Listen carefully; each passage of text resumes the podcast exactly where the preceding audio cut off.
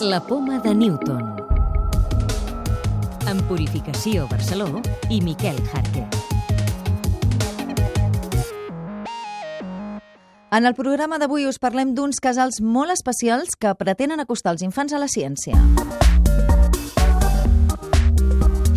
Va d'experiments i preparats comença la gran cursa són les dues activitats per a casals que ofereix el Cosmo Caixa de Barcelona a partir del 26 de juny. Els tallers tenen com a objectiu potenciar la curiositat natural dels nens. Esther Adderiu, de l'àrea de ciència de l'obra social de la Caixa. Pensem que la ciència pot donar motius perquè els nens gaudeixin, perquè descobreixin, per posar i fer créixer tot el seu potencial i les seves habilitats.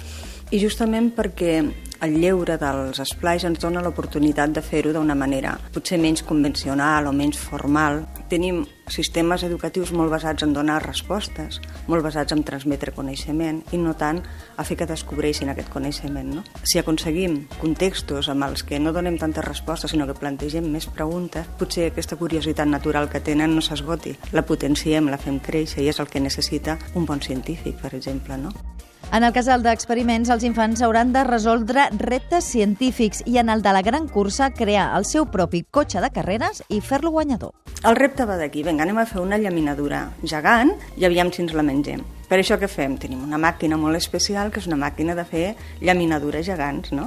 Sorprenentment, aquella llaminadura creix amb el seu volum moltíssim. Què passa quan van a treure aquella llaminadura? Que aquella màquina ens ha fet una mala jugada i la laminadura no es pot treure a la màquina. No hi ha manera d'aixecar la tapa d'aquella màquina. I aleshores allí comença totes les preguntes.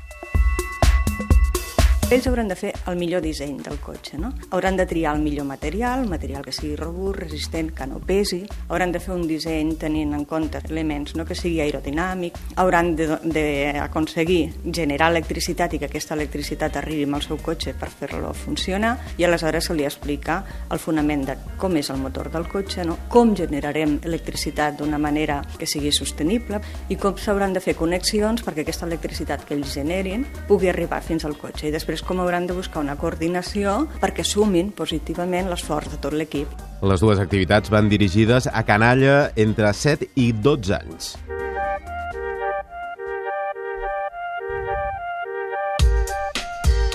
Un grup d'estudiants de l'Escola Tècnica Superior d'Enginyeries Industrial i Aeronàutica de Terrassa queda en cinquè lloc en un concurs de tecnologia espacial de la NASA. El grup era l'únic català que es presentava al concurs en el qual han participat més de 9.000 persones de tot el món. El projecte consisteix en un sistema de control de l'asteroide Apophis, un dels més preocupants per als astrònoms per l'alta possibilitat que pugui arribar a xocar amb el planeta Terra. Un nou robot permet operar epilèpsies fins ara sense tractament. Metges de l'Hospital del Mar de Barcelona han fet ja amb èxit cinc intervencions amb el robot.